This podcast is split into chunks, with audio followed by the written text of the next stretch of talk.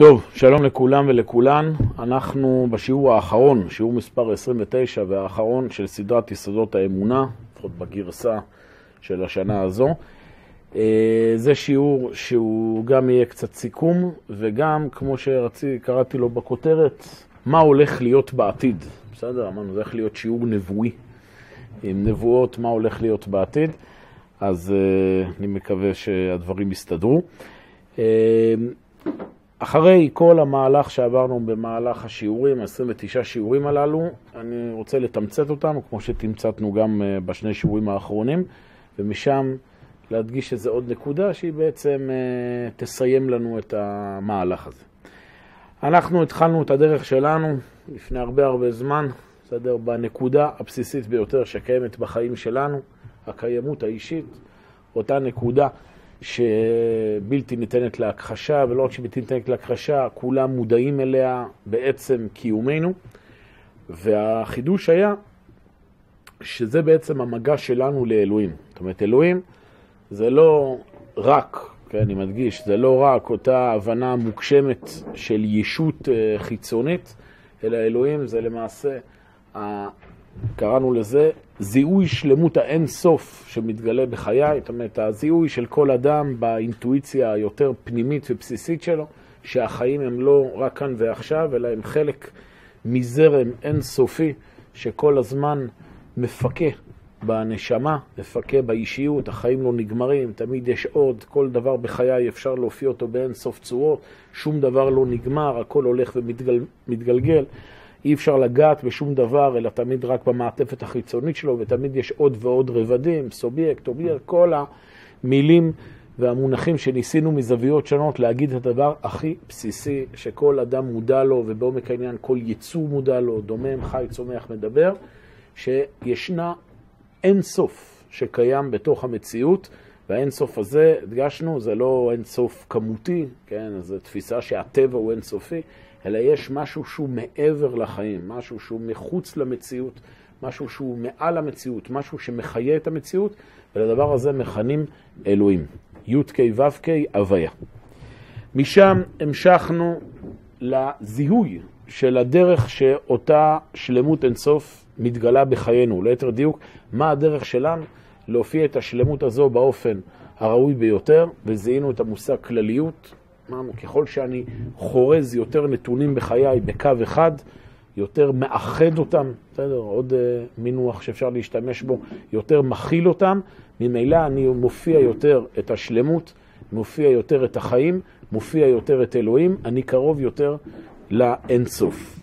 מתוך הכלליות הגענו לדבר הזה שנקרא עם ישראל. זאת אומרת, אנחנו מצאנו בתוך החיים שלנו, שוב, זה לא משהו שצריך ללכת רחוק לחפש אותו, זה לא משהו שצריך לעשות מסע של כל החיים כדי למצוא איזה מישהו זקן שיספר לנו את זה, אלא זה דבר שכל אדם יכול לזהות פה במציאות ההיסטורית הפשוטה, שבתוך האנושות, בתוך העולם שנראה כאוטי, נראה חסר כיוון, יש פנומן, יש תופעה מופלאה של עם, קבוצת אנשים שחיה לאורך כל ההיסטוריה, שומרת על הזהות הייחודיות, הייחודית והתרבותית שלה, נמצאת בכל צמתי ההכרעה של ההיסטוריה. אה, יש לה קיום פלאי מעבר לכל אה, אה, סבירות כלשהי, והדבר הזה, הנקודה הזו נקראת האומה הישראלית, העם הישראלי, וממילא כשאנחנו רוצים להתחבר אל הכלליות, רוצים להתחבר אל הקו שחורז את המציאות, אנחנו מזהים את עם ישראל כמוקד שאיתו אנחנו הולכים, איתו אנחנו צועדים. לעם ישראל הזה ישנה מסורת האומה לדורותיה. זאת אומרת, לעם הזה אה, ישנו אורח חיים שהוא תמיד מאפיין את חיי האומה. אה, איך בדיוק מזהים את המסורת הזו, אמרנו, זה דבר שאפשר כמובן לריב עליו, אבל בקווים גסים אנחנו יכולים לזהות את זה במה שאנחנו מכנים בשם המסורת האורתודוקסית, היהודית. מה שניסיתי להגיד זה בצורה שוב מאוד מאוד גולמית, כמו 13 עיקרי אמונה של הרמב"ם והנאמנות פחות או יותר לשולחן ערוך. זה עמוד השדרה של עם ישראל לדורותיו, וגם שיש תקופות שחלקים מעם ישראל, אפילו רוב מעם ישראל, הם לא נאמנים למסורת הזו, עדיין זה הקו שתמיד חוזר ו, אה, ומתגלגל, ועם ישראל תמיד הולך ונאמן אליו, ומילא אדם שרוצה להתחבר לאומה הישראלית, הוא צריך להתחבר לקו הזה. בתוך המסורת הזו, בתוך גבולות הגזרה של מסורת האומה לדורותיה, אמרנו, יש לנו גוונים שונים, יש לנו אה, אה, שיטות שונות, אז על אותו משקל, כמו לגבי מציאת הכלליות ועם ישראל, אנחנו לא מחפשים פה עכשיו איזו התגלות מהשמיים, כמו שהרבה פעמים אנשים מחפשים, שאלוהים יתגלה ויגיד להם מה הדרך הנכונה, אלא אדם מביט בתוך המבט הפשוט שיש לו על הגלריה של הזוויות השונות שקיימות בתוך האומה הישראלית לדורותיה, ומוצא את החיבור האינטואיטיבי, הפשוט, הראשוני, שזה עשה לך רב. מכאן אנחנו מתחילים את התהליך. אדם הולך, וככל שהוא מתפתח, הוא מזהה בתוך, ה... אה, בתוך המסורת הזו, אה, אמרנו שני צדדים. צד אחד של זוויות שונות של אותה רמה, רמת כלליות, אלו ואלו דברי אלוהים חיים, זאת אומרת, אדם וזה שיטות שונות בעם ישראל, שכולם מאחדות את האומה, כולם התקבלו על האומה, כולן עם מקורות, כולם מסתדרות עם המציאות וכולי, ואז מבין שיש פה זוויות שונות, 12 שבטים, שכל אחד משלים את התמונה הגדולה, והצד שהוא קצת יותר מורכב זה גם ליצוג מדרג של כלליות בתוך, ה, בתוך השיטות באומה הישראלית, זאת אומרת, אדם ככל שהוא הולך ומתפתח, הוא לומד יותר, הוא מבין יותר, ובאופן אישי, אמרנו, לא מדובר כאן עכשיו שאדם צריך להכווין הכוונה לאחרים ולא עכשיו לפסוק דברים לדורות, באופן אישי אדם מתחיל להתקדם, צועד בחייו כל הזמן מכלליות אחת לכלליות גדולה יותר, מאחד יותר דברים בחייו, והולך ומתקדם לו, הכל בתוך בעצם ההתקדמות האינסופית הזו של הכלליות.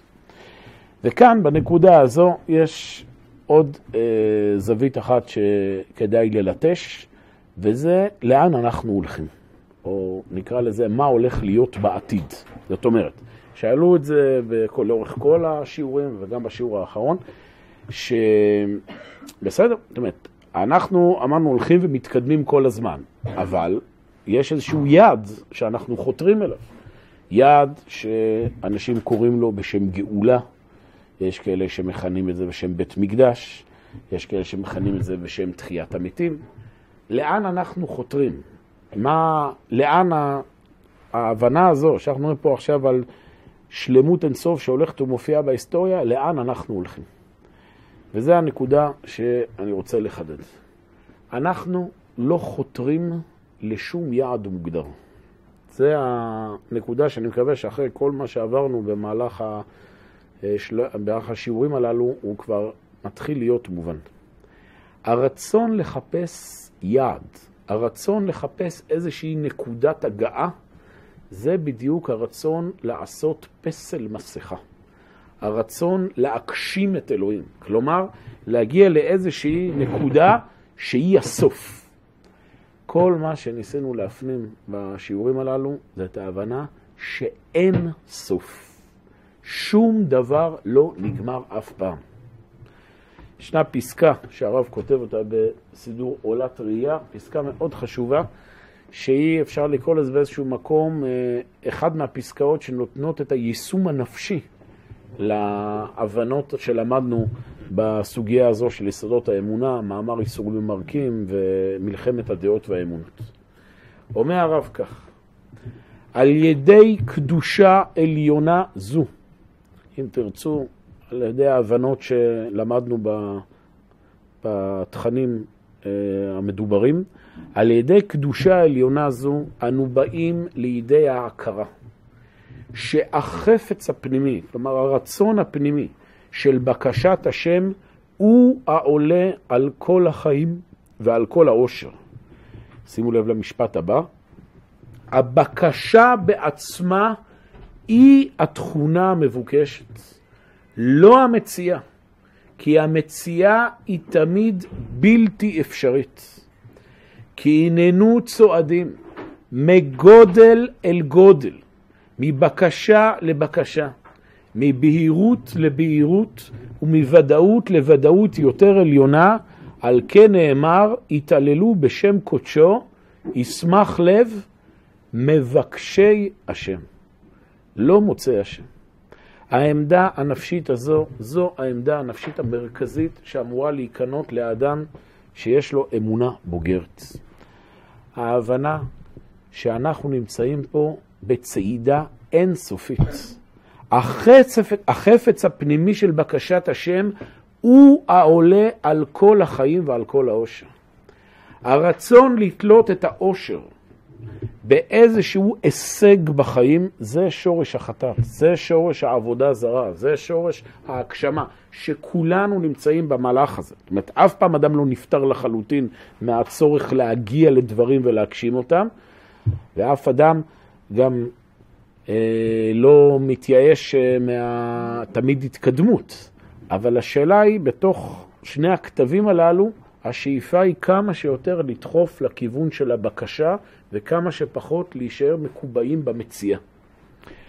כל החיים שלנו הם תהליך אחד ארוך ואין סופי של התקדמות. זה מתחיל ברמה האישית, מהלך שאני תמיד מנסה להסביר לאנשים. כאשר אדם הוא לא מפנים את הרעיונות הללו, הוא אדם שחי בתסכול מתמשך. אדם שמחפש מציאה, מחפש למצוא את אלוהים באיזשהו שלב בחייו, הוא לעולם לא ימצא אותו. כי אלוהים נמצא כאן ועכשיו. לא מחר, לא אתמול. היום, אם בקולו תשמעו. זה מתחיל מהדברים הבסיסיים ביותר. כשאנחנו אומרים פה אלוהים, אחרי כל מה שלמדנו, אני מקווה שכולנו מבינים. אלוהים, לא הכוונה היא פה לעולם הדתי של אלוהים. אלוהים, תחליף את המילה אלוהים במילה משמעות לחיים. תחליפו את זה במילה סיפוק. תחליפו את זה במילה תחושת שלמות, ניצוץ של תחושת שלמות. השלמות מורגשת רק כאשר ישנה השתלמות, רק כאשר ישנה התקדמות. שילד או ילדה בגן ילדים, איפה הם מוצאים את אלוהים? צריך לקלוט זה, צריך לחנך את זה מגיל צעיר. הם מוצאים את אלוהים בזה שהם עכשיו מתנהגים כמו ילד וילדה. הם מתמלאים חיים ושמחה במה שהם עושים עכשיו. הם שמחים, הם משחקים, הם מתנהלים כמו ילדים, הם ממצים באופן כמה שניתן, ממקסמים את הילדות. הבריחה שהרבה פעמים ילד או ילדה מוצאים את עצמם, שהם בורחים לעולמות אחרים, מדמיינים מה יקרה שהם יהיו גדולים, זה נקודה לא טובה. בוודאי שילד וילדה חושבים איך נתקדם הלאה, וצריך אדם לתכנן מה יקרה שהוא יהיה גדול, אבל לא בצורה של עכשיו לא טוב לי, ושנהיה גדול, ושנהיה גדולים, אז יהיה לנו טוב. לא. עכשיו טוב. עכשיו אלוהים נמצא עם האדם. שנהיה גדולים, שנכיר יותר דברים, שנגיע למערכות חדשות, אלוהים יהיה עוד יותר איתם. ואז אנשים מגיעים לשלב הבא בחיים, לצורך העניין למערכת הלימודים בבית ספר, כיתה א', גם. היצר אה, הזה, כל הזמן לחכות ליום שלמחרת, שנסיים את, ה... אה, את השנה, שנסיים את המבחנים, שנעבור את הגיל הזה, שנגיע לבת מצווה, שנגיע לבר מצווה, שנעבור את הבית ספר יסודי ונגיע לתיכון. גם זה איזושהי אשליה שאנשים תמיד בורחים אליה, כי זה מאפשר בריחה מאלוהים. זה מאפשר שוב להיכנס לדמיון שמעבר לקשת בענן, שם, שם נפגוש את הקדוש ברוך הוא. זה הולך ומחריף ככל שהשנים עוברות. אדם מדמיין כל הזמן מה יקרה, והוא לא מוצא, הוא לא מוצא. במקום להיות מלא שמחה וסיפוק, איפה האלוהים פוגש אותו עכשיו? עכשיו זה ההתמודדות שלך, עכשיו זה ההתמודדות שלך. זה לא רק במחשבות של מה יקרה מחר. זה גם הדמיונות של אם הייתי במקום אחר. אתם מבינים? כל המחשבות האלה של אם רק הייתי נמצא לא כאן אלא שם. אם רק הייתי נולד למקום אחד ולא מקום שני. אם רק היה לי יותר כישרונות. אם רק היה לי פרצוף אחר. כל האימים הללו זה חוסר אמונה. איפה שאתה נמצא, איפה שאת נמצאת, זה בדיוק המקום שהקדוש ברוך הוא שם אותו. אדם נמצא בתחושת סיפוק אינסופית, בכל רגע נתון, בכל מצב. הוא תמיד ממלא שלמות, וזה לא סותר שהוא הולך ומשתלם. הבקשה בעצמה היא התכונה המבוקשת. זה שאדם נמצא בתהליך, אדם רוצה לפגוש את אלוהים, רוצה למצוא את האושר, הוא נמצא בזה שהוא מתקדם. הסיפוק הוא בהתקדמות, הוא לא בהגעה. ההגעה, הרגע שאדם מגיע לאיזושהי שאיפה שהוא רצה אותה ועכשיו הנה היא מתממשת, זה ודאי שיש נקודות כאלה, אבל זה רק אשליה. כמו שאמרנו, בסדר, שאפת, שאפת, לסיים את, לסיים את התואר. אוקיי, סיימת את התואר. שמחים קצת, נו, ומה עכשיו? עכשיו ברור שיש שלב חדש בכם. אז זה ככה גם צריך להיות המינון בנפש. שמגיעים לנקודות הישג, לפסגות, יש איזה קצת מנוחה, קצת שאיפת רוח, ומיד אחרי זה הולכים ומתקדמים, מחיל אל חיל, כל הזמן. זה הולך ומתקדם. ואז אמרנו, אין דבר כזה להזדקן. הזכרנו את זה בשיעור. המחשבה הזו שיש איזה יעד שהגעתי אליו בחיים, ומעכשיו הכל רק הולך ודועך לו.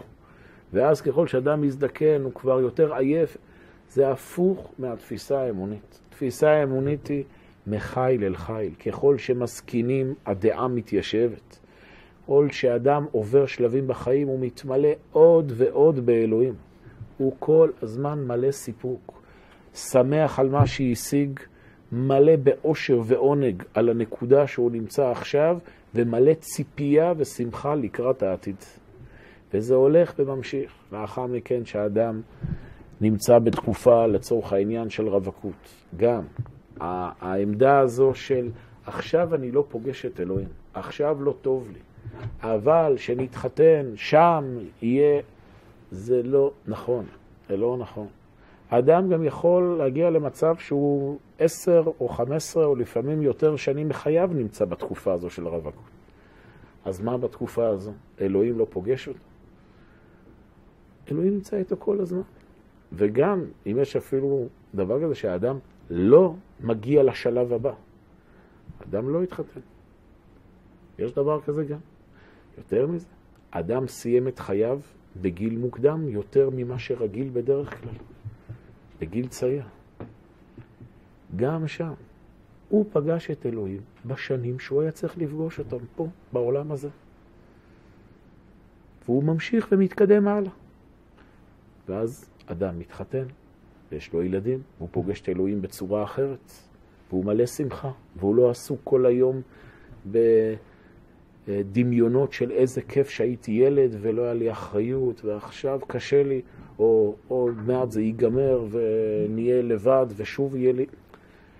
לא חושבים על העבר, לא חושבים על העתיד, מתמלאים כל הזמן בקיומיות אינסופית בהווה. וכך האדם הולך, וגם כשהוא מגיע לגיל מבוגר, הוא לא עסוק בכלל בחפירה הזו של מה עשיתי, מה היה. הוא הולך ומתקדם. וכשמגיע הרגע שהוא מת, yeah, הוא פשוט הולך ומתגלגל הלאה ברצף האינסופי של השלמות האלוהית. אדם כזה, הוא לא נמצא, אמרנו, ב, לא בדמיונות על העתיד ולא בתסכולים על העבר. אדם כזה, גם המעברים בחייו, הם מעברים מאוד מאוד פשוטים. הזכרנו, אני חושב, את המדרש הזה, שאומרים חכמים, מה ההבדל בין רשעים לצדיקים? שרשעים נפטרים מהעולם הזה כמו, הזכרנו את זה כבר? לא? בטח הזכרנו, אבל שכחתם? לא משנה. אומרים חז"ל שרשעים נפטרים מהעולם הזה כמו פיטורי בפי ושת. בתרגום, כמו חבל מטבעת של ספינה. זאת אומרת, הם נקרעים מהעולם הזה, הם, זה לא רק מהמוות, הם מקובעים בתוך המדרגה שהם נמצאים בה, ולצאת עכשיו למדרגה חדשה, זה תמיד קשה להם. זה משהו שנעשה בצורה מאוד מאוד... אה, היה כבר איזה משהו שהשגנו, ועכשיו, ועכשיו אה, מדרגה חדשה, זה להשיג אותה, זה עכשיו צריך לבנות את הדברים מחדש. לא. איך צדיקים נפטרים מהעולם הזה, אומרים חז"ל? כמו נסיובי מחלבה, כמו שערה שיוצאת מחלב. במילים שלנו, הם פשוט זורמים הלאה. המעברים בחיים שלהם וגם מעברים בין החיים למוות הם לא מעברים קשים. בכל שלב הם פוגשים את הקדוש ברוך הוא. בכל גיל, בכל מצב, תמיד הם הולכים ומופיעים את הדברים, זורמים בהם עוד ועוד ועוד. זה נכון, אמרנו, ברמה האישית, וזה עוד יותר נכון ברמה הכללית, וזו הנקודה שאליה אנחנו חותרים.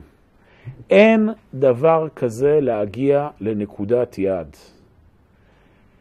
תמיד בסופו של דבר אדם נמצא בהתקדמות בעבודת השם. אין הבדל מהותי בין מצבנו עכשיו לבין מצבנו שייבנה בית המקדש, או מצבנו שתהיה תחיית המתים. גם שייבנה בית המקדש במהרה בימינו, אנחנו אומרים אמן, זאת אומרת, אנחנו רוצים שהמדרגה החדשה תופיע. אבל אחרי שייבנה בית המקדש, השלמות האינסוף תמשיך להופיע. ימשיכו להיות התקדמויות, ימשיכו להיות אתגרים, האדם ילך כל הזמן ויופיע עוד ועוד דברים. גם שיגיע תחיית המתים, שזה מושג שאנחנו לא לגמרי מבינים מה הוא אומר, אבל הכוונה היא שוב איזה ביטוי לכך, כמו שדיברנו על זה, שכל ה... איזה מדרגה בעולם שה... אה, שהדברים המתים מתחיו מחדש, שזו מדרגה שלמעשה קיימת לאורך כל הדרך. גם עכשיו יש החייאת מתים, על זה שאנחנו מצליחים לשחזר דברים, זה שאנחנו פוגשים חבר שלא ראינו 12 חודש, אנחנו מברכים בחיי המתים. כלומר, מתחיה פה משהו, אבל ככל שהמציאות תלך ותתקדם, גם המדרגה הזו של תחיית המתים היא תהיה יותר דומיננטית בחיים שלנו. גם זה לא איזה נקודת יעד מסוימת. תחיית המתים היא תלך ותופיע עוד ועוד ועוד. בית המקדש הוא מופיע במובנים מסוימים כבר עכשיו. והוא ילך ויופיע במובנים יותר גדולים בעתיד. ואחרי שהוא ייבנה, עוד ימשיך להיבנה, להיבנה בית מקדשיות לנצח נצחים. יש פה תהליך אחד ארוך של התקדמות, שכל ה, מה שמוזכר אצל חכמים ובנביאים, נקודות של הגעה, זה בסך הכל נקודות ציון בציר אינסופי. ואמרנו זה גם אותו דבר אצל האדם. כל שנייה אנחנו כבר חיים את מה שיהיה בעתיד וחיים את מה שהיה בעבר. זה רק פשוט כל פעם מופיע באופן אחר. כן. ביטוי שביחס לעולם שלנו עכשיו, שעדיין יש בו הרבה צדדים של צער, לעתיד לבוא, אז ימלא שחוק פינו. אבל מה הכוונה? הכוונה היא שעכשיו אין בכלל שום שחוק, עכשיו החיים רק קשים, ולעתיד לבוא יהיה רק אושר. כבר עכשיו יש צדדים מסוימים של שחוק, יש צדדים מסוימים שאת יכולה לראות את השלמות פה בעולם הזה, וככל שהאדם הוא יותר עם מבט רוחני, הוא גם מסוגל לראות את זה. למשל, רבי עקיבא צוחק שהוא רואה שועל שיוצא מבית קודשי הקודשים. זאת אומרת, הוא בעולם שלו כבר נמצא בעולם של עוד אלפיים שנה. הוא רואה איך זקנים וזקנות ישבו בחוצות ירושלים ואיש על משענתו ברוב ימים. ואם רבי עקיבא חי בדור שלנו, הוא היה מלא צחוק עם מה שהשגנו, ומלא ציפייה לצחוק שעוד יופיע בהמשך, בהמשך המציאות. כן בוודאי, כל הזמן חייבת לו את הכמיהה. השאיפה, הננו צועדים מגודל אל גודל. איך תצעדי מגודל אל גודל? בזה שאת... אבל אני מנסה להגיד שיש, צריך לחדד מה זה שאיפה. אנשים מבינים שאיפה במשמעות של עכשיו רע לי ויהיה לי טוב. לא. עכשיו טוב ועכשיו מצוין, ויהיה עוד יותר טוב, ויהיה עוד יותר מצוין. החלוקה הדיכוטומית, כן, המופרדת הזו, שכאילו יום שאין לי אלוהים ויום שיהיה לי אלוהים, מדרגה, גיל שיש לי, זה המדרגה שצריך לנפץ בו. אדם חייב לבנות בנפש שלו, וזה, טוב, אנחנו לומדים פה עכשיו, אתם יכולים להגיד שלמשל הלימוד הזה, זה, זה סוג של קפיצת מדרגה ב... בתודעה של ההבנה הזו. אבל בעומק עניין, אדם בריא בנפשו, הוא גם בלי ללמוד את זה, הוא ככה נמצא. הוא כל הזמן חי, פשוט הוא כל הזמן חי. זה המציאות השלמה והבריאה. זה מה שנקרא אמונה תמימה, במשמעות העמוקה. שלמות. משהו שפשוט זורם ומתמלא כל הזמן באושר ובחיים ובבנייה, בלי יותר מדי להיות בתסבוכים אישיים. כן.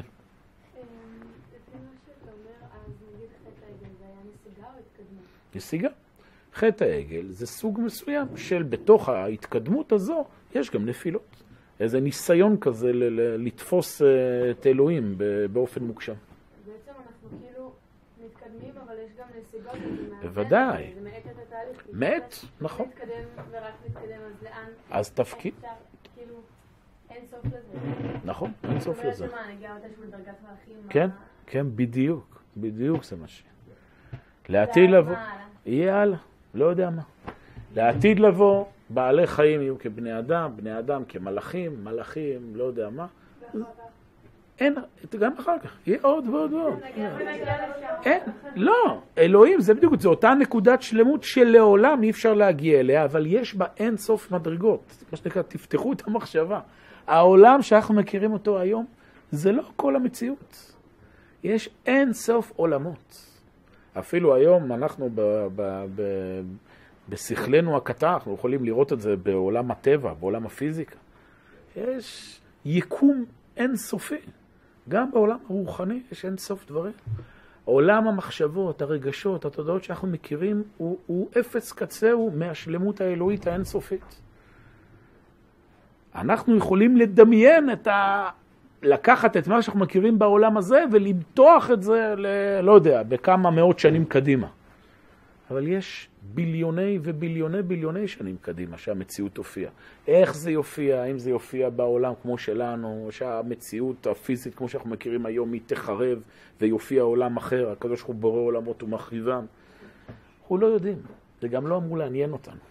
אנחנו יכולים לראות שכעת, בתאריך זה וזה, בשעה זו וזו, החיים האלוהים מופיעים בי. ואני עכשיו בכל דרכיך דאהו. אני עכשיו ממצה את כל האנרגיה שלי, את כל הכוחות, כל הרגשות, למצות את החיים האלוהים כאן ועכשיו בצורה הטובה ביותר. ומחר אני אעשה את זה עוד יותר, כי יהיה לי עוד טיפת חיים. וככה לאין קץ. כן.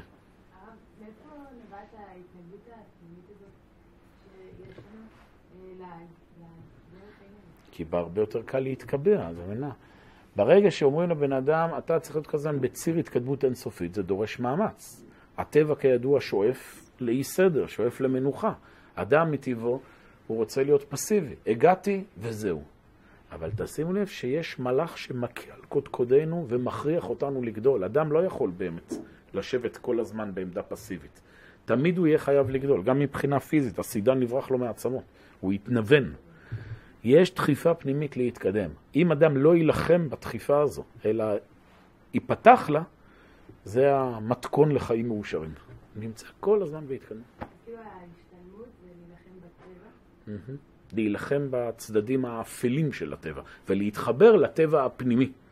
ותשימי לב שזו הנקודה שאנחנו מאושרים בחיים. מתי אדם מרגיש אושר בחיים? האדם לא מרגיש אושר בחיים שהוא עכשיו משיג איזה הישג פסיבי. זה נותן לו תחושה של הנאה, לא אושר. האושר, הסיפוק, זה כאשר אדם יוצר משהו. אז אדם מרגיש שהוא מצטרף לשרשרת האינסופית של היצירה האלוהית. Hmm? כן. עוד פעם, רק בקול.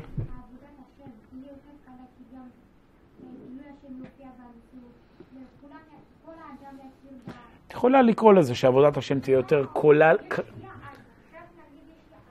אני אומר, היעד שלנו...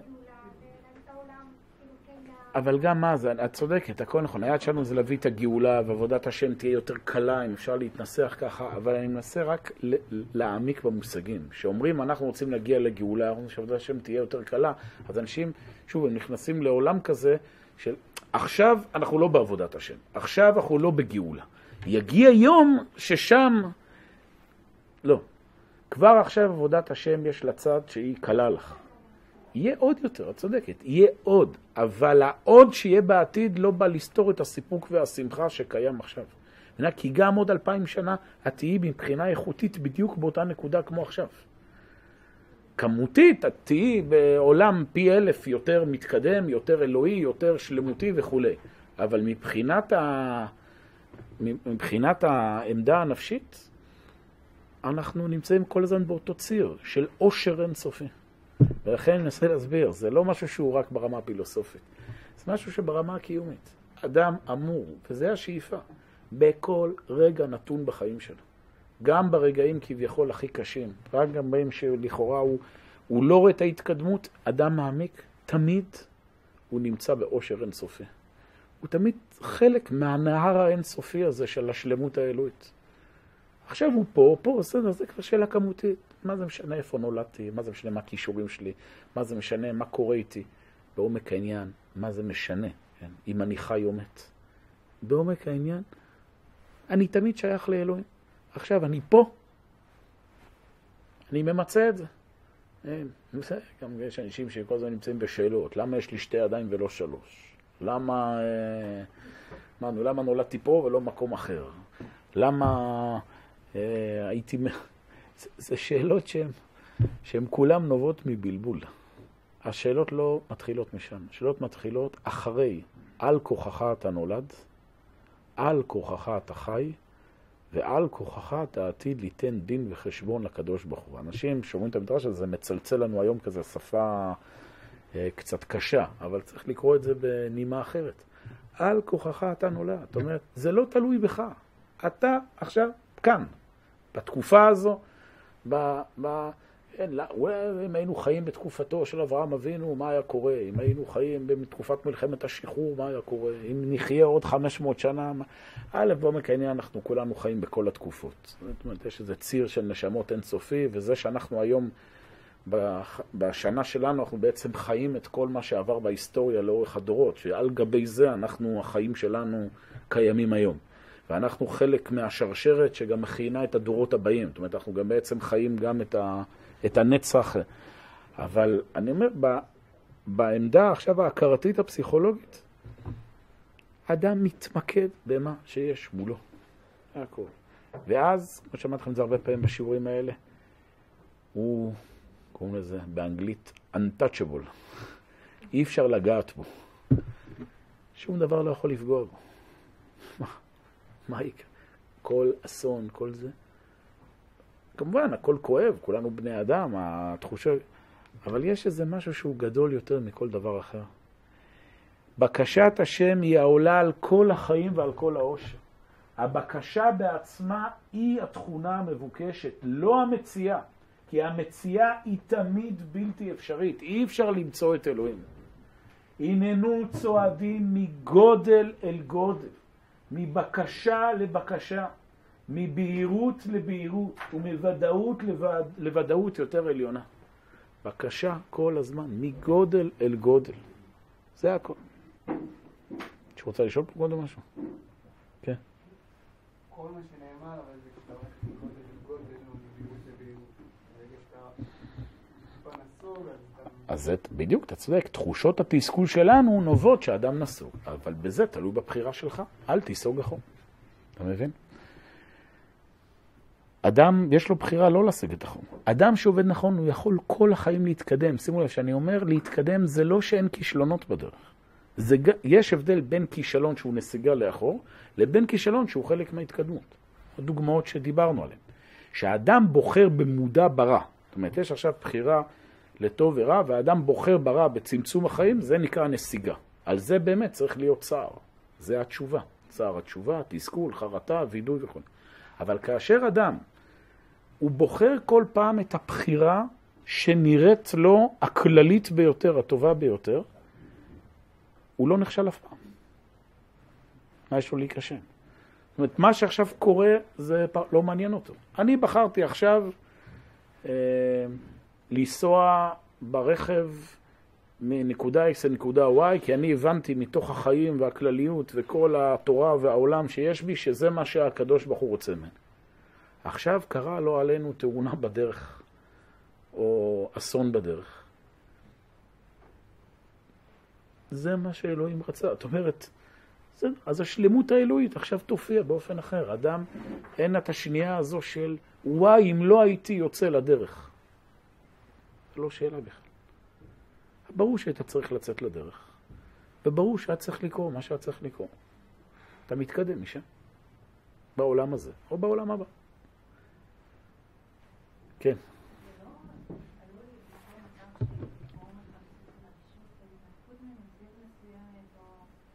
כן, זה עלול. לכן, את צודקת, זה עלול באמת לגרום לאיזו תחושת אדישות וכזה פט, פטליות, מה שנקרא.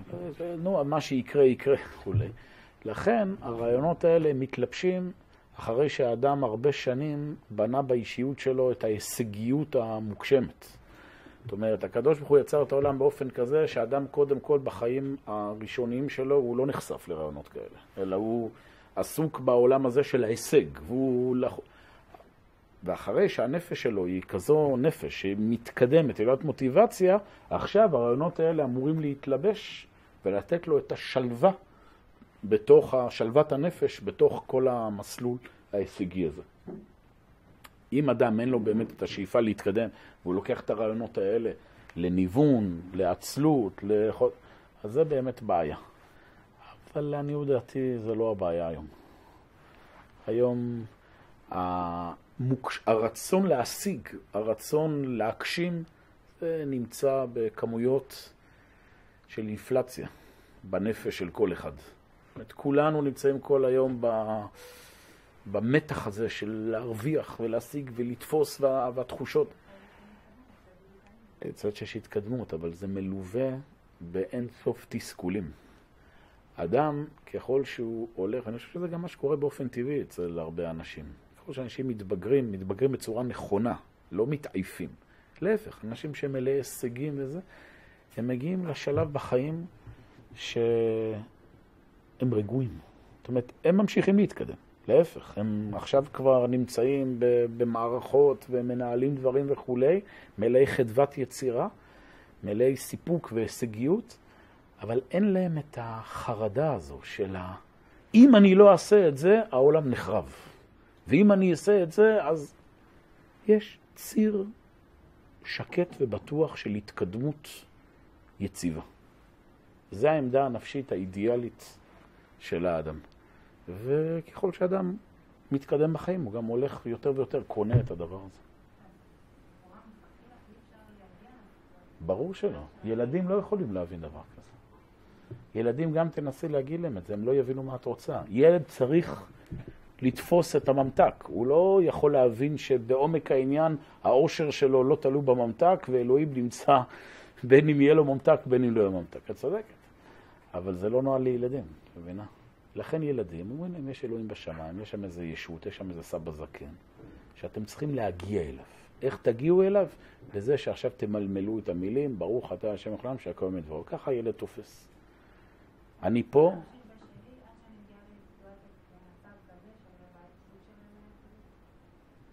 מה זאת אומרת להמשיך בשלך? לא הבנתי.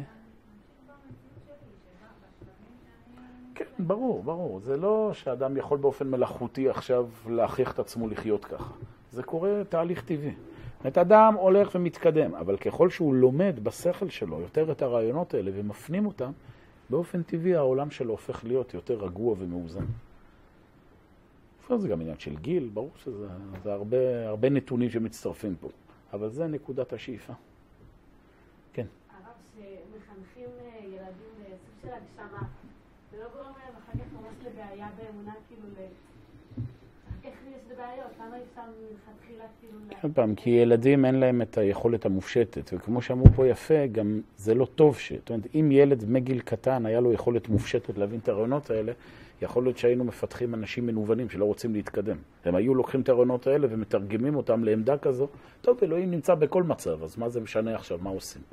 לכן הקדוש ברוך הוא שם פה איזה סוג של מחיצה, שרעיונות מהסוג הזה לא חודרים בשלבים הראשונים של התפתחות האישיות. ובהתפתחות האישיותית הראשונית האדם נמצא בתחושה הזו שאלוהים נמצא מעבר לפינה, ואם אני אתאמץ עכשיו, אני אתפוס אותו.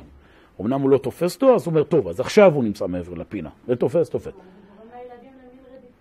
אז יש פה ציר, אם הוא נעשה נכון, שבמקביל להישגיות הזו, גם לאט לאט נחשפים לרעיונות האלה, במינון זה או אחר, ולאט לאט, בדיוק בגיל האדם כבר מתחיל להתמלא בתסכול שהנה הוא לא פוגש את אלוהים, הוא מבין את זה, ובעצם הוא עכשיו מבין שאלוהים היה כל הזמן איתו.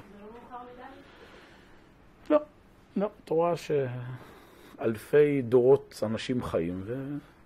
וכן, בסופו של דבר מתקדמים ונהיים מאושרים. רוב האנשים מאושרים בחיים. זה לא נכון שרוב האנשים מתוסכלים. רוב האנשים מאושרים בחיים. הם לא יודעים בדיוק להסביר את זה, הם לא תמיד, אה, כמובן, ככל שהם פחות משתמשים במילים האלה של אלוהים, אז זה גם יכול להיות פה יותר בעיות, אבל בסופו של דבר, אדם נורמלי, הוא מוצא את, הוא מוצא את אלוהים. הגיע לשאלה שהוא מצא את מה שהוא מחפש, והוא... אנשים קוראים לזה בטעות להשלים עם החיים. אבל השאלה איך אומרים את המילה הזו. יש להשלים עם החיים בצורה של החיים ניצחו אותי, אין מה לעשות. יש גם להשלים החיים בצורה יפה. ככה זה צריך להיות, בדיוק. לא פחות ולא יותר. סיפור כזה, כבר שכחתי בדיוק על מי זה מסופר, אבל שנפגשו פעם אה, שלושה דמורים או משהו כזה, שלושה רבנים, וכל אחד אה, דיבר, הנושא השיחה היה, אה, אם, אם הייתי יכול, מה הייתי אומר לקדוש ברוך הוא לשנות בעולם, משהו כזה. זה היה... יש כאלה לפעמים, בפאנלים כאלה, פעם הזמנו אותי לפאנל כזה בתיקון ליל שבועות. איזה דיבר היית רוצה לשנות מעשרת הדיברות? בסדר. אז, אה, אז הסיפור שהראשון אמר, אני הייתי אומר לקדוש ברוך הוא, שיקדם יותר את הגאולה, שעם ישראל לא יסבול כל כך הרבה, וטה טה טה טה טה. השני אמר, אני, אני אתן לקדוש ברוך הוא ש... כבר לא זוכר מה, שלא יהיו עניים, לא יהיו חולים. השלישי אמר, אני אומר לקדוש ברוך הוא, תמשיך בדיוק את מה שאתה עושה עכשיו. זו העמדה הנפשית. מה שקורה זה בדיוק מה שצריך להיות. ובתוך זה כל המוטיבציה ללכת ולהתקדם קדימה. לשם אנחנו חושבים. אם אני... מה, לאן אנחנו מצפים? אנחנו מצפים לאינסוף. זה הציפייה הגדולה מכל. גם. היא כבר עכשיו, בדיוק. אנחנו חיים את האינסוף ונחיה אותו עוד יותר. אינסוף. המטרה שלנו היא לחיות, שחלק מהחיים זה התקדמות. לחיות את האינסוף, זה הרעיון. לחיות את האינסוף, תמיד. בשביל שהדברים קצת יותר יובנו, אני רוצה להראות לכם משהו מעניין. משתמש בו המון בשיעורים, כי לדעתי זה משהו שממחיש את הרעיונות שדיברנו עליהם בכל הסדרה הזו. אה, זה הדבר הבא, שימו לב. חלקכם או חלקכן, אני הראיתי לכם את זה בשיעורים אחרים, אבל אני רוצה לראות אתכם את זה בהקשר הזה ולראות אתכם כמה דברים מעניינים. מה שאתם רואים מולכם, אלה שצופים בנו אז רואים את זה פה על המסך, זה צילום מסך של אתר מאוד מאוד חשוב בעולם, שנקרא גייפ מיינדר. זה השם, J-A-P-M-I-N-D-E-R, אפשר להריץ את זה בגוגל, למצוא את זה, זו התוצאה הראשונה. זה אתר סטטיסטיקות עולמי, אם אני לא טועה, הוא ממוקם בשוודיה, אה, שהם אוספים סטטיסטיקות, האתר הזה, אה, מכל העולם משנת 1800 עד היום. בסדר? 217, 218 שנים של סטטיסטיקה. בסדר? ה- מה זה?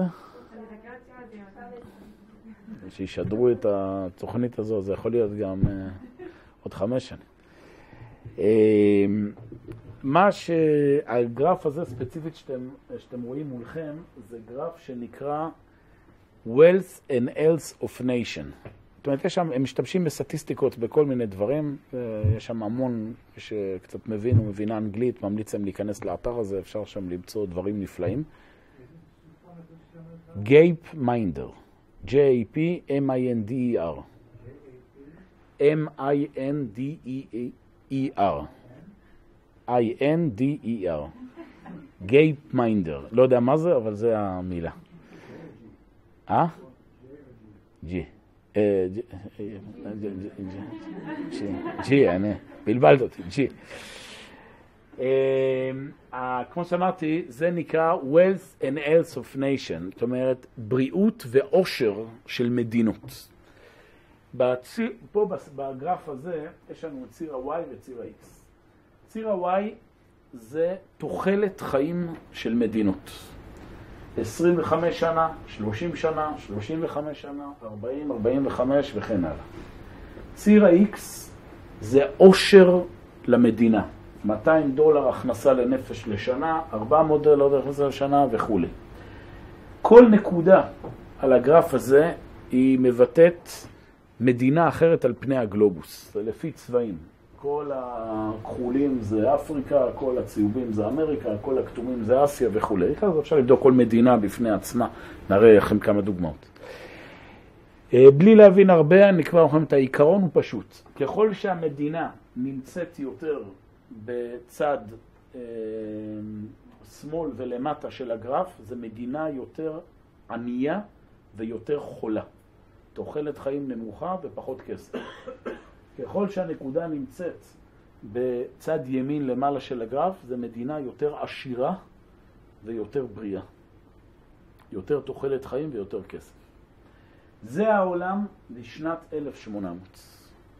לשנת 1800, תוחלת החיים הממוצעת בעולם היא גיל 33. בסדר? 1800. אני אומר 1800, זה לא הרבה. זה הסבא של הסבא של הסבא שלנו.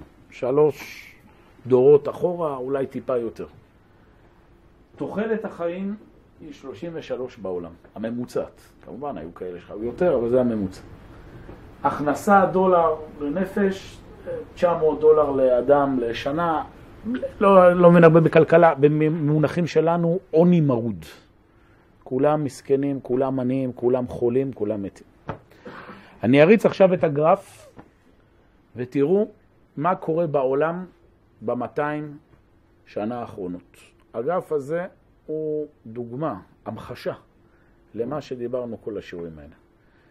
זה נקרא אלוהים. איך אלוהים מופיע בעולם? עוד פעם, אלוהים זה לא איזה ישות שמסדרת את העולם. זה שלמות אינסוף שמופיעה בתוך המציאות. הולכת ומקדמת את המציאות. תראו, הנה אלוהים בחמש שניות. שימו לב. מתחילים להריץ את הגרף. המאה ה-19 למניינם, העולם פחות או יותר נשאר באותו מקום. מתחיל קצת עושר, יש כמה מדינות שמתחילות לעלות ברמת החיים, ויש גם הרבה ירידה. העסק פה די סטטי, כמה מדינות מתחילות לפתוח פער. מאה ה-19 מתחילים לעלות, 1914 מלחמת העולם הראשונה, ירידה גדולה, כולם. מלחמת העולם השנייה, ירידה, שימו לב מה קורה, ממלחמת העולם השנייה ואילך.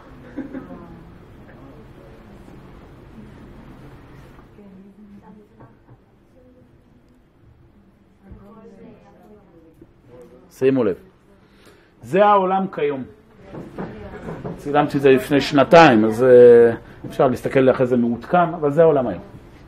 תוחלת החיים הממוצעת היום בעולם היא 75. עושר הממוצע בעולם, עשרת אלפים דולר, לא משנה, נפש, כולם עשירים. תבינו את זה. המבט הקטן שלא רואה את אלוהים, זה המבט של אותם אנשים שכל היום חיים, כמו שאמרתי לכם, בדמיונות על העבר ועל העתיד. יש אנשים שכל היום עסוקים בכמה טוב היה פעם. לא היה טוב פעם. היה רע. היה רע. יש כזה נטייה, גם אצלנו יש כזה נטייה, כן, איזה כיף שהיינו שם באירופה והפריץ רק הרביץ לנו ולא הרג אותנו, ו... ושהיינו עם מלך מרוקו והיה החבר שלנו, וזה שטויות במיץ עגבניות. לפני 200 שנה העולם כולו היה אומלל, אומלל. תוחלת חיים 33, 80 אחוז של תמותת תינוקות. 80 אחוז. זה העולם. דוגמה שאני תמיד מסביר לאנשים, פשוטה. הנושא הזה של אמצעי מניעה, של תכנון משפחה, זה משהו שקיים בעולם מבחינה טכנולוגית כמה עשרות שנים. לא יודע, 40-50 שנה. איך זה שלפני שהיה מושג כזה של תכנון משפחה, איך זה שלכל משפחה יהודית, למשל, שכאן יש הרי מצווה של פור ורבו, איך זה שלא היה לכל משפחה 15 ילדים? הרי שנות הפוריות מאפשרות אה, משהו כזה. תשובה, נולדו בערך 15 ילדים, מתוכם שרדו שניים. זה מה שהיה. צריך להבין את זה. לא היה חיים בעולם. העולם היה עולם של שרידות. ושוב, אנחנו רואים על 1800. אין פה, אין פה סטטיסטיקות מה קרה בימי הביניים, ששם, אני בכלל לא יודע מה היה, נראה לי התוחלת חיים מינוס. זאת אומרת, אה, כבר אה, אנשים לא, לא נולדו. אבל אנחנו רואים פה עוד יחסית כבר שמתחיל משהו, עדיין, עדיין. תמותת תינוקות, מחלות, ולא רק דברים ברמה הטכנית, גם ברמה הנפשית, אני מבין זה. אנשים חיו בגיל צעיר, בגיל תשע, היו כבר צריכים להתחיל לעבוד במכרות פחם. לא היה ילדות בכלל. אנשים היו נמצאים כל חייהם במלחמת הישרדות בשביל להביא פת לחם הביתה. ברמות הכי פשוטות. נגיד מישהו שהיה לו, כמוני, היה לו ליקוי ראייה, בסדר? הוא היה כל החיים מסתובב מטושטש, הוא אפילו לא מבין מה הבעיה שלו. הוא היה מסתובב ולא רואה שום דבר, וכולם בטוחים שיש לו איזה בעיה שכלית, או מאשימים אותו, אני יודע מה, לוקחים אותו לציד עם כל המשפחה, אז הוא עם העיניים שלו יורה ופוגע בחץ בחבר שלו. ו...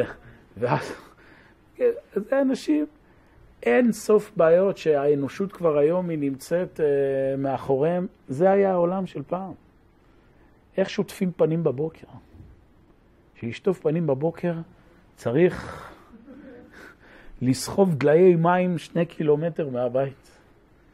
שללכת לשירותים. צריך לצאת שם לשדה ביום חורף ולקבל דלקת ריאות, ואז למות, כי אין משהו שיכול לרפא את זה. מבחינה מוסרית, תחשבו מה קורה בעולם שאדם לא גדל עם ילדות. שכל החיים מגיל תשע הוא נמצא במערכת שטובעת ממנו ומקשה עליו ומענישה אותו. אדם גדל עם אישיות מחוספסת, קשה.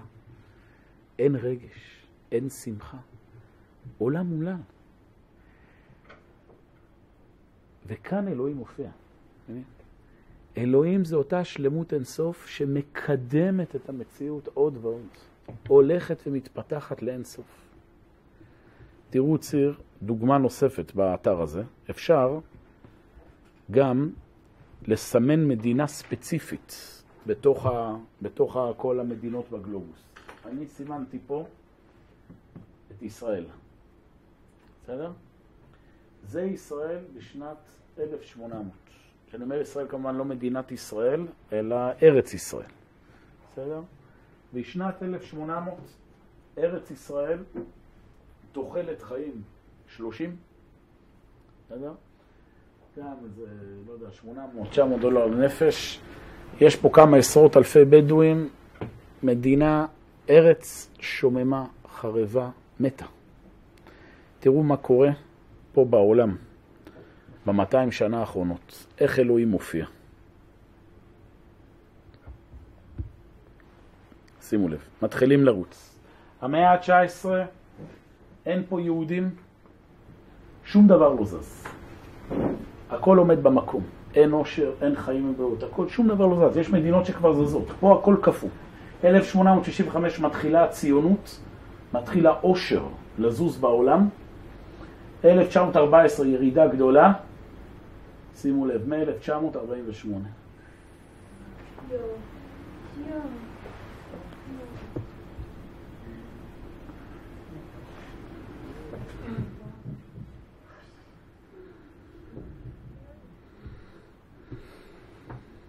הנה אלוהים, תכירו. שרצה לראות את אלוהים. זה אלוהים. זה אלוהים. זה ישראל היום. זה כל העולם אגב, ישראל היא פשוט המוקד של הדברים האלה, קשור למה שדיברנו, עם ישראל וכולי. זה המוקד. זה המבט שהאדם אמוני רואה בעולם. הוא רואה איך הכל צומח. הכל כל הזמן הולך וצומח. ולשם העולם הולך. זה מה שהולך להיות בעתיד. הולך להיות רק עוד יותר. שתראו שאני לא ממציא את זה, זה עוד לכם סרטון קצר. מקווה שצריך לראות פה את זה טוב במסך.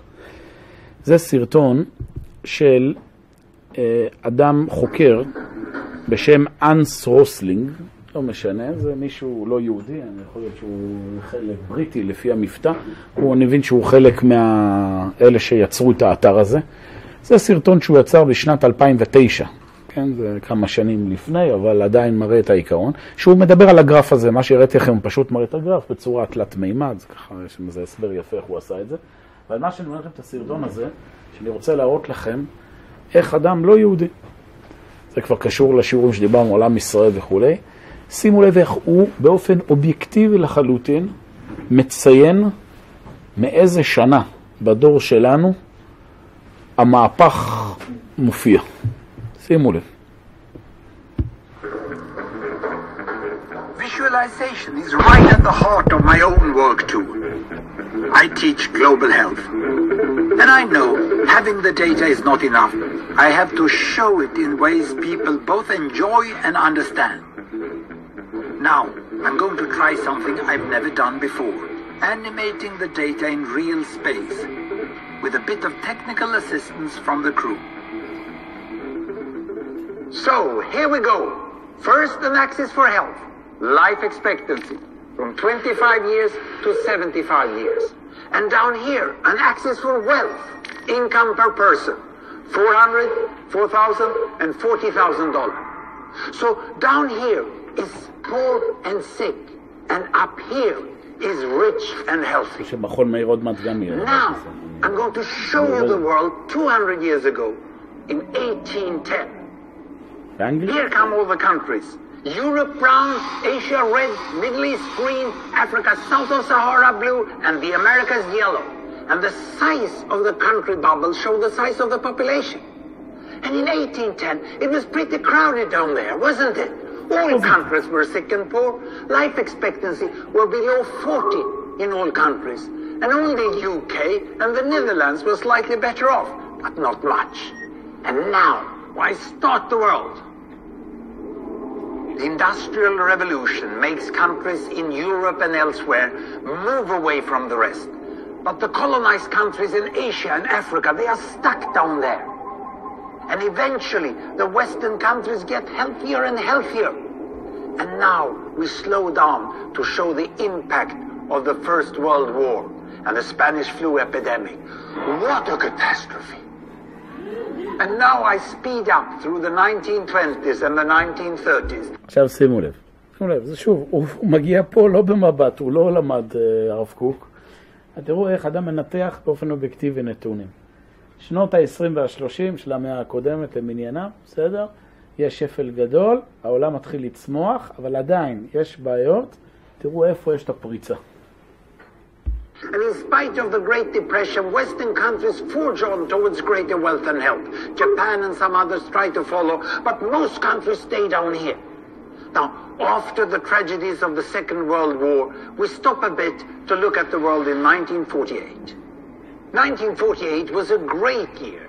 The war was over, Sweden topped the medal table at the Winter Olympics, and I was born.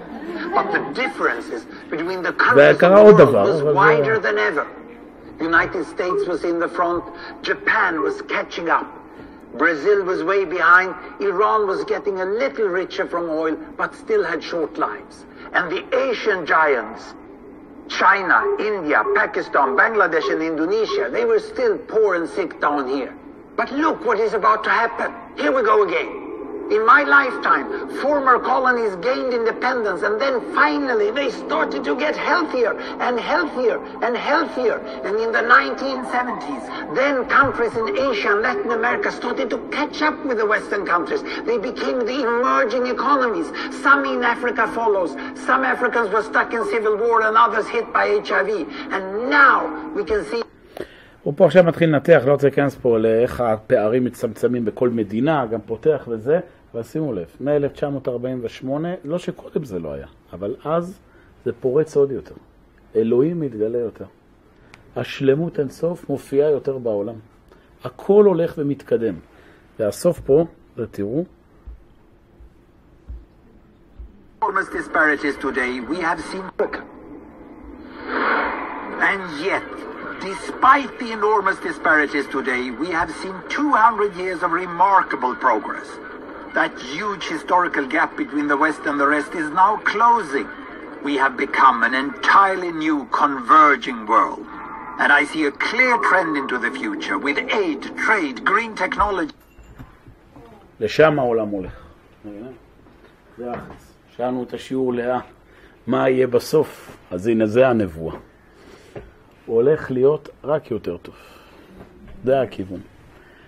שלמות אינסוף הולכת ומופיעה עוד ועוד. פה כמובן זה ציר שמתעסק רק בדברים של חומר, כן? של בריאות ושל uh, כלכלה. גם בעולם הרוחני והמוסרי. עכשיו תבינו, בתוך זה יש אינסוף בעיות, כמו שאנחנו יודעים בנושא הזה, שפה רואים איזה גרף מאוד אופטימי. אנחנו יודעים שביום יום זה מלא בנפילות וקשיים ומחלות ומלחמות. בדיוק גם בעולם הרוחני, אנחנו יודעים שיש אין סוף בעיות, נפילות. הכיוון הוא כל הזמן הכיוון הזה. למעלה, למעלה, למעלה. ישמח לב מבקשי השם. ויכול שאדם מבין את זה יותר, ככל שאדם הוא בוגר יותר, ככל שאדם הוא יותר חי את השלמות אינסוף, ככה גם החיים האישיים שלו נראים. גם זה משהו, פה זה בתהליכים הכלליים בעולם, שיותר קל לראות את יד אלוהים. אבל גם בחיים האישיים של האדם. האדם כל הזמן נמצא בציר הזה שעולה כלפי מעלה. מה שלמדנו בכל התהליך הזה הוא אחד, למצוא את אלוהים. סוף דבר, את האלוהים ירא ואת מצוותיו שמור, כי זה כל האדם. סוף דבר הסיכום של הכל. החיים מלאי אלוהים, מלאי שמחה, מלאי התקדמות, מלאי אושר. וככל שאדם יותר נפתח לזה ומבין את זה, ככה גם הוא מחבר את החיים שלו לתוך הרצף האלוהי. וככל שהאדם מבין את זה, ככה גם החיים העתידיים שלו יהיו כאלה. חיים יותר שמחים, יותר בריאים, יותר מתקדמים, וכאמור, מה שיקרה זה לא משנה בכלל. הוא תמיד ימשיך להופיע את ההתקדמות הזו של אלוהים, גם אם זה פה וגם זה בחיים שאחרי המוות. זה הרעיון. בזה, בנימה אופטימית זו, אבל הפעם באמת אני חושב שזה נימה אופטימית, כי אני מקווה שזו פעם אולי ראשונה בחיים שאנחנו באמת אופטימיים, לא מהבטחות של, אה, של דברים שאי אפשר לראות, אה, לראות מול העיניים. האופטימיות במשמעות העמוקה זה הדבר הכי חזק שיש בחיים. גם ברמה הכללית, גם ברמה האישית.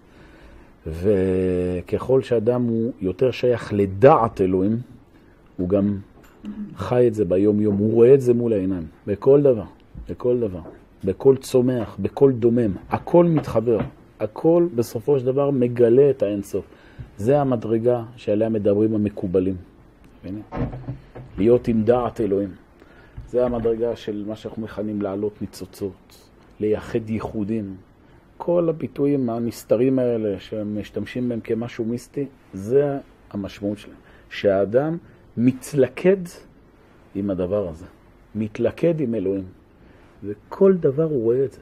הכל, הכל, הכל נשזר לתפיסה אחת שלמה, לשם ייחוד קודשא בריחו ושכינתי תמיר ונעלם בשם כל ישראל. שיהיה לכם חיים מאושרים. נעצור פה. אה?